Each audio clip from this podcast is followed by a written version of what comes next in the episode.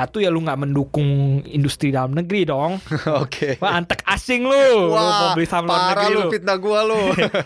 Di sana itu kalau sana lu Heeh. market maker, lu ngontrol harga saham, lu manipulasi harga saham, lu gerakin harga saham, ada niat buruknya untuk melakukan Heeh. itu, lu bisa diciduk dengan sangat gampang sekali gitu.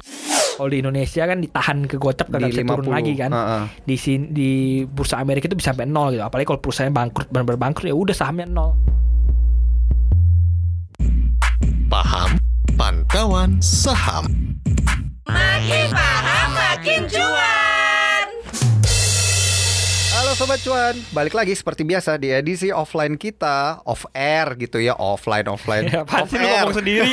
KJ dasar. Kasihkan, kasihkan bro Bareng gue Daniel Wiguna dan Gue Triputra dari tim riset CNBC Indonesia. Tentu saja kita masih di segmen Paham Pantauan Saham Semakin paham semakin Cuan. Nah, di edisi kita, episode kita kali ini kita akan bicarain satu hal yang gak pernah kita bicarain sebelumnya ya, edisi spesial juga nih ya kayak pekan lalu. Jadi kita bakal ngomongin gimana Spesial caranya. itu pakai telur bukan bro? pakai telur banget gitu ya. Tapi gue alergi bro, makan telur gimana nih? Jadi curcol ya. Oke oke. Jadi gimana caranya beli saham di luar negeri gitu Iya. ya? Kayak kayak gue nih, gue pengen banget tuh beli saham di Afrika misalnya kan, beli saham di India, di Cina gitu supaya go internasional gitu, nggak cuma di IHSG doang. Tapi gue nggak tahu gimana caranya bro, gimana nih bro? Jadi sebenarnya gue sebelumnya gue bahas backgroundnya dulu kenapa lu apa tertarik beli saham di luar negeri itu kenapa gitu. Karena satu kita bisa beli perusahaan yang udah benar-benar global banget gitu. Mhm. kayak misalnya lu beli iPhone Apple perusahaan Apple itu kan lu lu juga pakai produk yang lu pakai Apple gitu lu pakai iPhone gitu. Selain kalau lu beli saham-saham di dalam negeri itu produk-produknya itu nggak terkenal di luar negeri gitu. Bukan bukan perusahaan global yang benar-benar skalanya global banget gitu. Oke. kayak perusahaan dengan market cap terbesar di dun- di Indonesia itu kan BCA kan? Ha-ha. nggak semua negara ada ada bank BCA gitu. Hmm. tapi hampir semua negara produk Apple masuk gitu. Terutama negara-negara gede gitu lalu Coca-Cola juga hampir semua negara tuh masuk. Coca-Cola gitu jadi beberapa perusahaan yang udah global banget Fortune 500 nama perusahaannya gitu perusahaan-perusahaan Oke. yang udah gede jadi itu satu lu bisa beli saham gl- global dua itu trennya itu positif misal lu kalau indeks di sana tuh ada yang terkenal namanya S&P 500 ya jadi Mhm. 500 perusahaan yang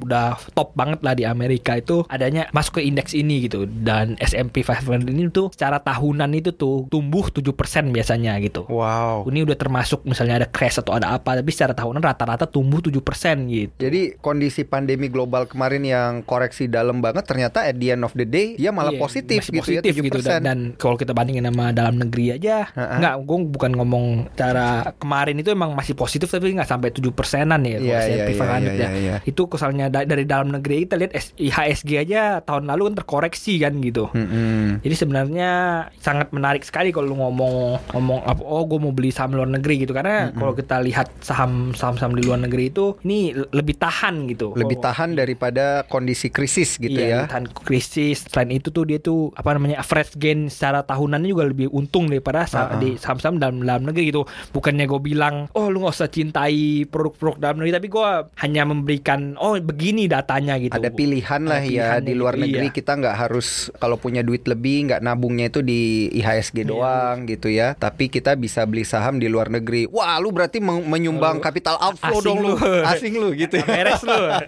Nah, makanya gue selalu nggak ya. Ini makanya pilihan aja, ini Pilihan, pilihan gitu. aja. Misalnya gue apa opsi aja gimana misalnya lu Hmm. bisa bisa apa bisa kalau misalnya lu ingin berinvestasi di luar negeri gitu. Nah, gimana caranya tuh gue pengen bahas backgroundnya lagi Sel- selanjutnya tuh dulu tuh banyak sekuritas lokal menawarkan cross border namanya. Oke. Jadi cross border itu lu bisa Masih beli- ada nggak sampai sekarang? Ya nanti gue cerita dulu. Oh, oke, oke. Jangan Waduh, udah nggak sabar nih gue nih.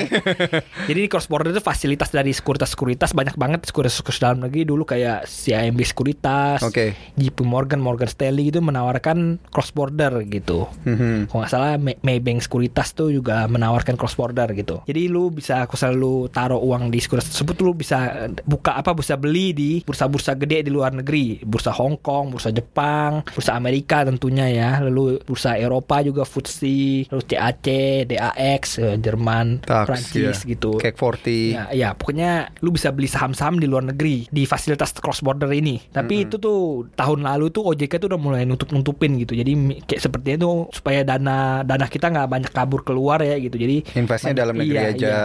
Apa OJK tuh kayak menyarankan "Eh, udah lu tabung saham di luar negeri di dalam negeri aja emang emang apa lebih baik, lebih mudah gitu, lebih murah juga gitu. Mm. Jadi banyak cross fasilitas cross border yang dipersulit lalu ditutupi ditutup gitu. Jadi akhirnya banyak sekuritas yang nutup fasilitas cross bordernya gitu. Oh, oke oke. Jadi oke. seca- sekarang secara legal agak susah kalau misalnya lu mau beli kalau misalnya lu cuma dalam negeri apalagi kalau dananya terbatas gitu. Hmm. Kalaupun lu mau lu harus kontak broker biasanya di Singapura. Lu minimal di Singapura. Iya, biasanya di Singapura tuh lu kontak broker, lu bikin account broker di sana buat fasilitas cross border dari Singapura gitu. Hmm. Jadi nanti broker lu broker Singapura gitu. Kalau misalnya Secara secara secara- online tuh ya, bikinnya. secara online bisa, secara offline bisa. Telepon gitu ya. Ya, bisa secara misalnya lu mau datang langsung gitu, masuk Wah, offline. Iya, iya online, kan. Kalau misalnya telepon Kalau berani invest di luar kan berarti orang kaya. orang kaya ya. Langsung jalan Langsung ke terbang ke sana sekalian jalan-jalan ya. gitu.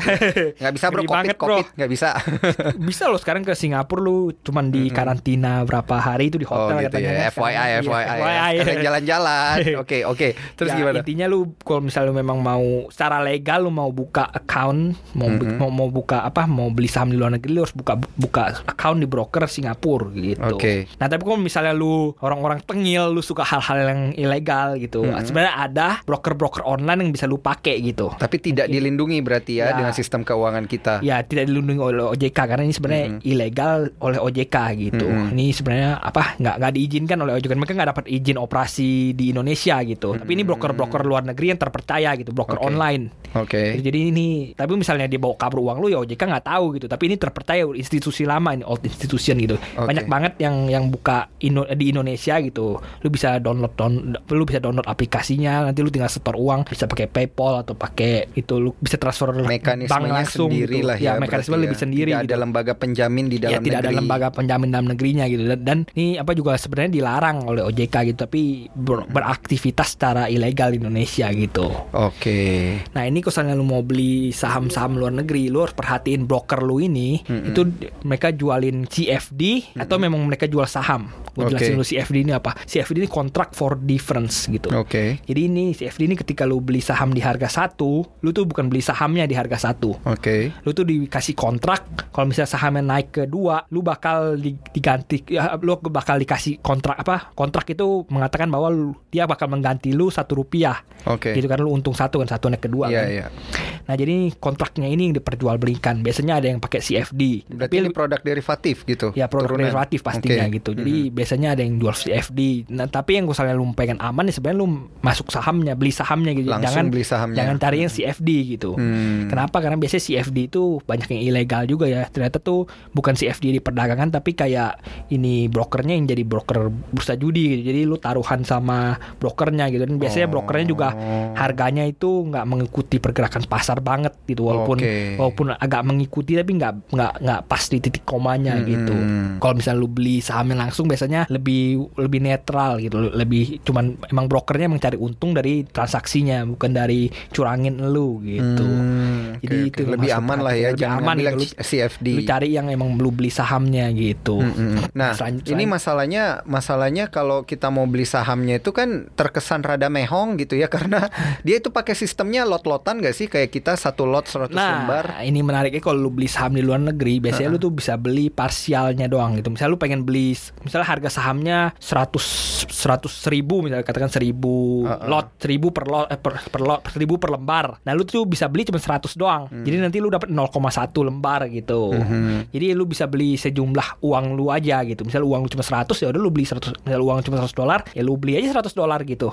Jadi lu nggak nggak nggak kayak Indonesia gitu lu kalau mau beli minimal satu lot gitu nggak nggak kayak gitu biasanya kalau di bursa-bursa luar negeri itu lebih enak lebih fluid gitu lebih lancar bisa lu transaksi ya udah lu beli aja di misalnya setengah lot per tiga lot gitu. Jadi bisa ditawar gitu. Istilahnya bukan ditawar juga tapi nggak usah beli penuh. Nggak usah beli satu lot gitu. Hmm. lebih enak gitu jadinya. Oh bisa beli satuan ya. Jadi kalau kita lihat harga harganya emiten Tesla tuh. Tesla kemarin kan harganya di 800-an dolar. Itu 800-an dolar per lembar saham. Kita bisa beli satu lembar gitu ya. Iya, yang Nggak harus nggak kali perlu 100. lu nggak harus beli satu lembar. Lu bisa beli setengah lembar. Oh, bahkan bisa beli setengah ya lembar. itu lu jadi ting- tinggal beli 100 lo 100 ru- 100 dolar. Artinya kan lu beli satu per 8 nya Tesla kan. Heeh. Jadi Itu lu, boleh lu- juga? ya boleh gitu. Jadinya lu Oh. cuman lu tentuin aja nominal lu mau beli berapa gitu. Saking mehongnya harga saham di sana Ya, ya. misalnya lu mau beli 50, 60 dolar tuh boleh juga gitu. Oh, Jadi tergantung oke, oke. lu mau masuk uang berapa ya lu tinggal masukin aja gitu.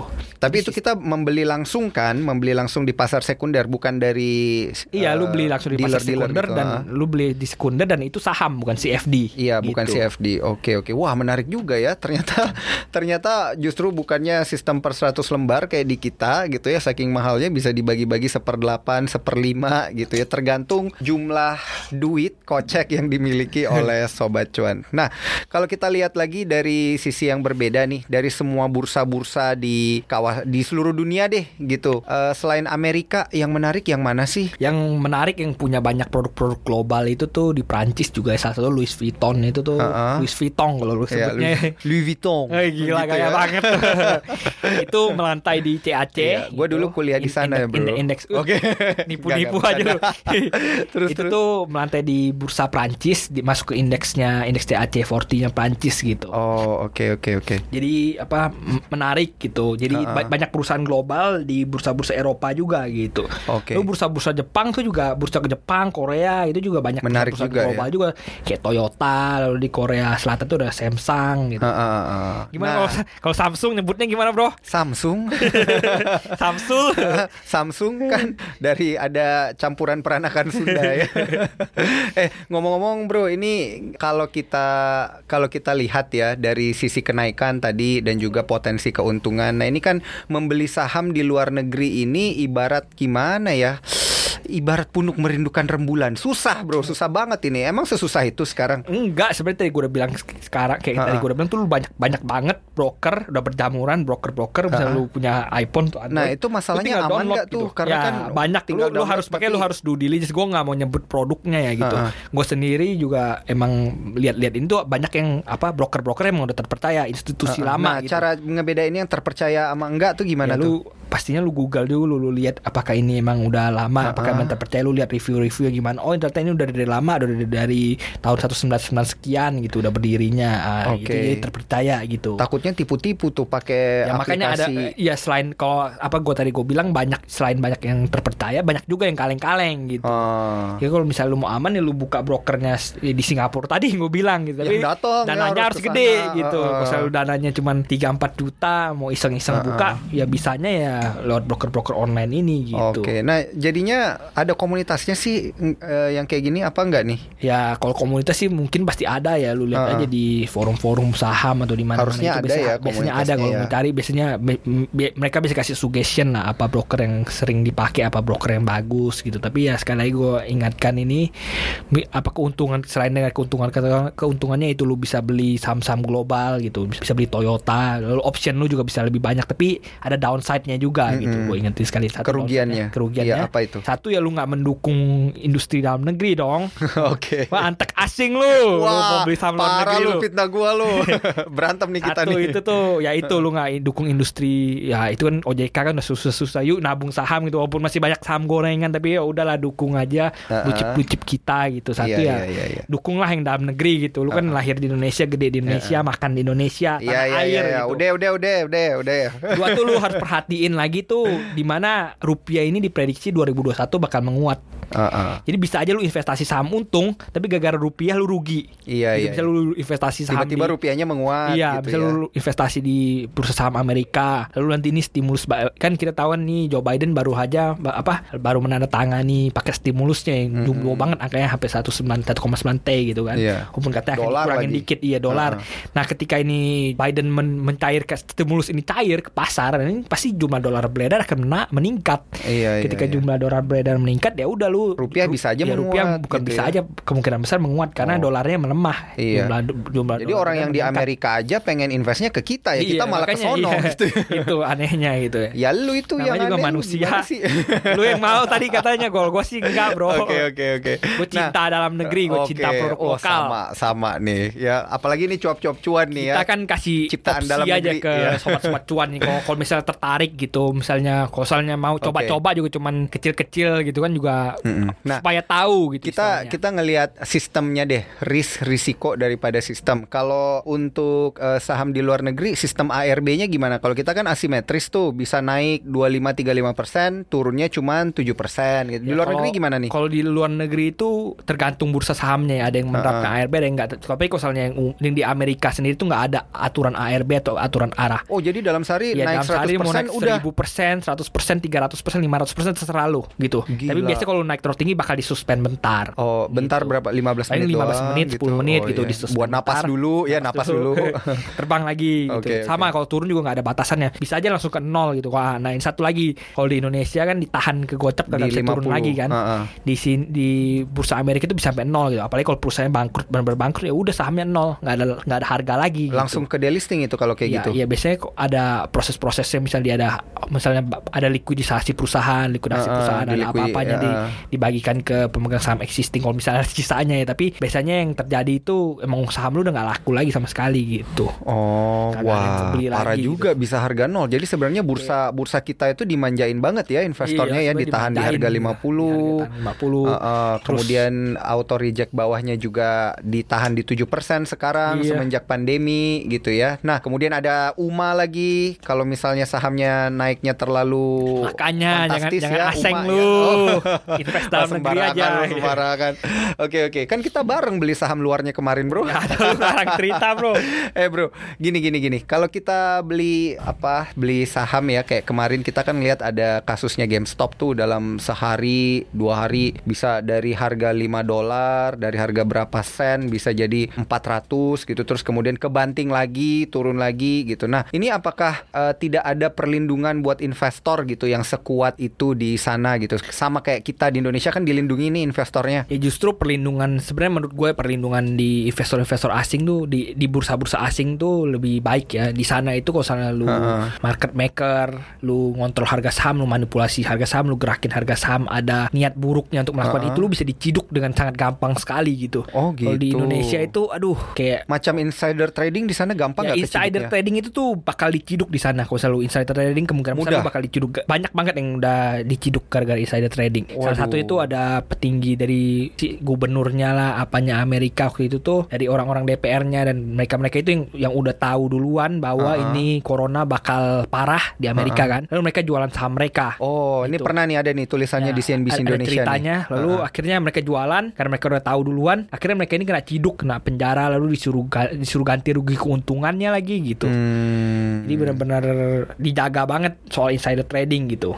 Oke, lalu ada juga artis yang kena tangkap gara-gara insider trading gitu. Jadi benar-benar banyak banget orang-orang penting yang keciduk gara-gara insider trading gitu. Karena mereka benar-benar Hmm. jaga di sana jangan sampai ada insider trading. Apalagi lu market maker, jadi market maker yang benar-benar mau ngontrol harga saham lu goreng-goreng naik 25% turun 30% atau naik Hmm. sampai 100%. Lu kosalnya emang berniat beli saham, berniat goreng saham, itu lu bakal diciduk. nggak bakal Oke. lama lu karir lu praktik di praktik bandar di OJK bandar saham dan juga praktik goreng saham di sana berarti mudah banget ketangkep gitu ya. Ya, lebih dijaga oleh SEC-nya. SEC Oke. itu OJK-nya Amerika gitu. Jadi lebih lebih mereka lebih ketat mengawasi hal ini dibanding dengan dalam negeri gitu. Kayak kita dalam negeri kan aduh banyak banget saham gorengan gitu lalu OJK ya cuman apa BI cuma cuman rilis UMA gitu. Oh ini unusual market acti- activity. Tapi nggak benar-benar dicek ini siapa yang transaksi, siapa yang goreng harga sahamnya itu sebenarnya misalnya bursa mau cek kan gampang gampang nyiduknya ya gitu. Hmm. Tapi ya kalau untuk dalam negeri sepertinya masih masih belum ter- terla- terlalu melindungi orang-orang kecilnya lah gitu. Jadi Mm-mm. sepertinya ini orang-orang yang goreng-goreng saham ini masih itu masih kecuali kayak kasusnya gitu. kasusnya kayak kemarin Ya, ke- yang gede kecuali kasusnya udah gitu terlalu ya. gede lu nipunya sampai institusi gede apa-apa segala Uh, kalau dan merugikan negara. Iya merugikan negara Uh. triliunan kalau yang ditipu retail nggak apa-apa gitu sedihnya gitu kadang-kadang Waduh, jangan gitu dong. Gue retail Aduh, nih.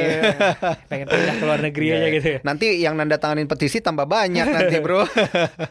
nah, oke oke. Terus hal-hal menarik apa nih yang sebenarnya kita eh, bisa lihat kalau berinvestasi atau membeli saham di luar negeri dari sisi dividen? Ya kalau dividen juga mereka biasanya selalu ngasih dividen gitu. Nah tapi yang menarik itu lu juga harus lihat yo dividen yieldnya gimana gitu. Dan mereka biasanya ngasih nggak cuma sekali setahun gitu. Banyak perusahaan-perusahaan luar yang setahun bisa empat kali ngasih dividen gitu. Setahun bisa dua Wah. kali gitu.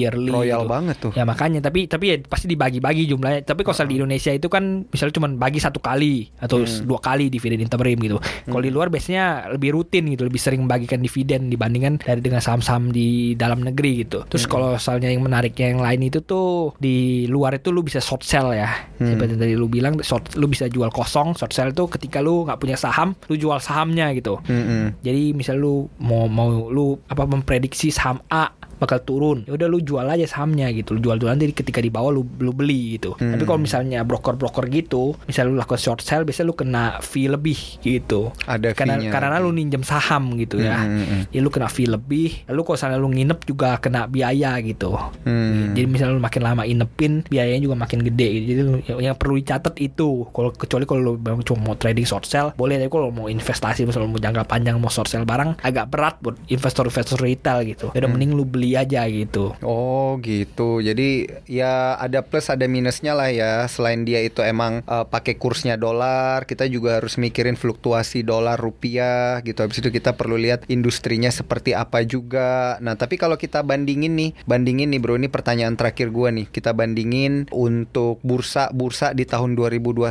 ini, bursa-bursa kita bandingkan nih komparasi bursa-bursa eh, global di 2021 ini bursa mana sih yang menurut lu bakal negara punya negara mana gitu yang paling moncer? Apakah masih tetap di Amerika Serikat atau indeks harga saham gabungan kita juga punya peluang bagus nih? Ya sebenarnya ini banyak udah banyak riset dari luar dari luar ya gitu. Salah satu itu Indonesia itu sebenarnya masih growth masih bagus. Asia X Japan itu As- negara-negara di Asia selain Jepang itu sebenarnya masih bagus untuk investasi gitu. Salah satunya pasti Indonesia kan masih bagus untuk investasi. Tapi di Amerika sendiri juga masih bagus untuk investasi terutama di saham-saham tech-nya gitu. Mm-mm. Jadi salah satunya di, di Indonesia juga sebenarnya masih bagus. Jadi selalu, selalu gue omongin kalau misalnya kalau misalnya ada dana ya udah kita bantu dalam negeri dulu. Kalau misalnya ada lebih baru lu, lu keluar gitu. Mm-mm. Tapi kalau misalnya ada dana ya udah ditaruh dulu di Ibu Pertiwi gitu. Oh, Jadi biar atau kalau enggak kuat. gue punya ide nih bro kalau enggak yang invest di luar udah cuan duitnya balikin Nah, ke sini bisa juga investasi gitu. di Iya, sini investasi gitu ya sini gitu. Oke oke oke ini bisa jadi satu strategi yang menarik menarik juga ya ternyata kalau kita ngelihat eh, sudut pandang pasar modal ternyata di Amerika itu bursanya terkesan lebih liar gitu ya gerakannya Iya. walaupun perlindungannya memang lebih ketat tapi percayalah indeks harga saham gabungan juga nggak kalah ya Iya. ada plus minusnya juga menarik juga untuk kita eh, lirik tentunya karena ngapain jauh-jauh kalau bisa investasi yang deket-deket Iya, benar. gitu ya aduh Untungnya gitu. juga nggak beda jauh gitu. Untungnya juga nggak beda jauh ya gitulah sobat cuan ya jadi bisa dipertimbangkan nanti seperti biasa keputusan investasi ada di tangan anda waktu kita sudah habis dan begitulah segmen yang kita nantikan setiap hari Senin ya paham pantauan saham semakin paham Makin semakin, cuan. bersama gua Daniel Wiguna dan Gua Triputra dari tim riset CNBC Indonesia. sampai jumpa di podcast selanjutnya jangan lupa dengerin kita di Apple Podcast di Spotify dan juga Google Podcast follow kita di Instagram @cuap underscore cuan bye. Bye bye.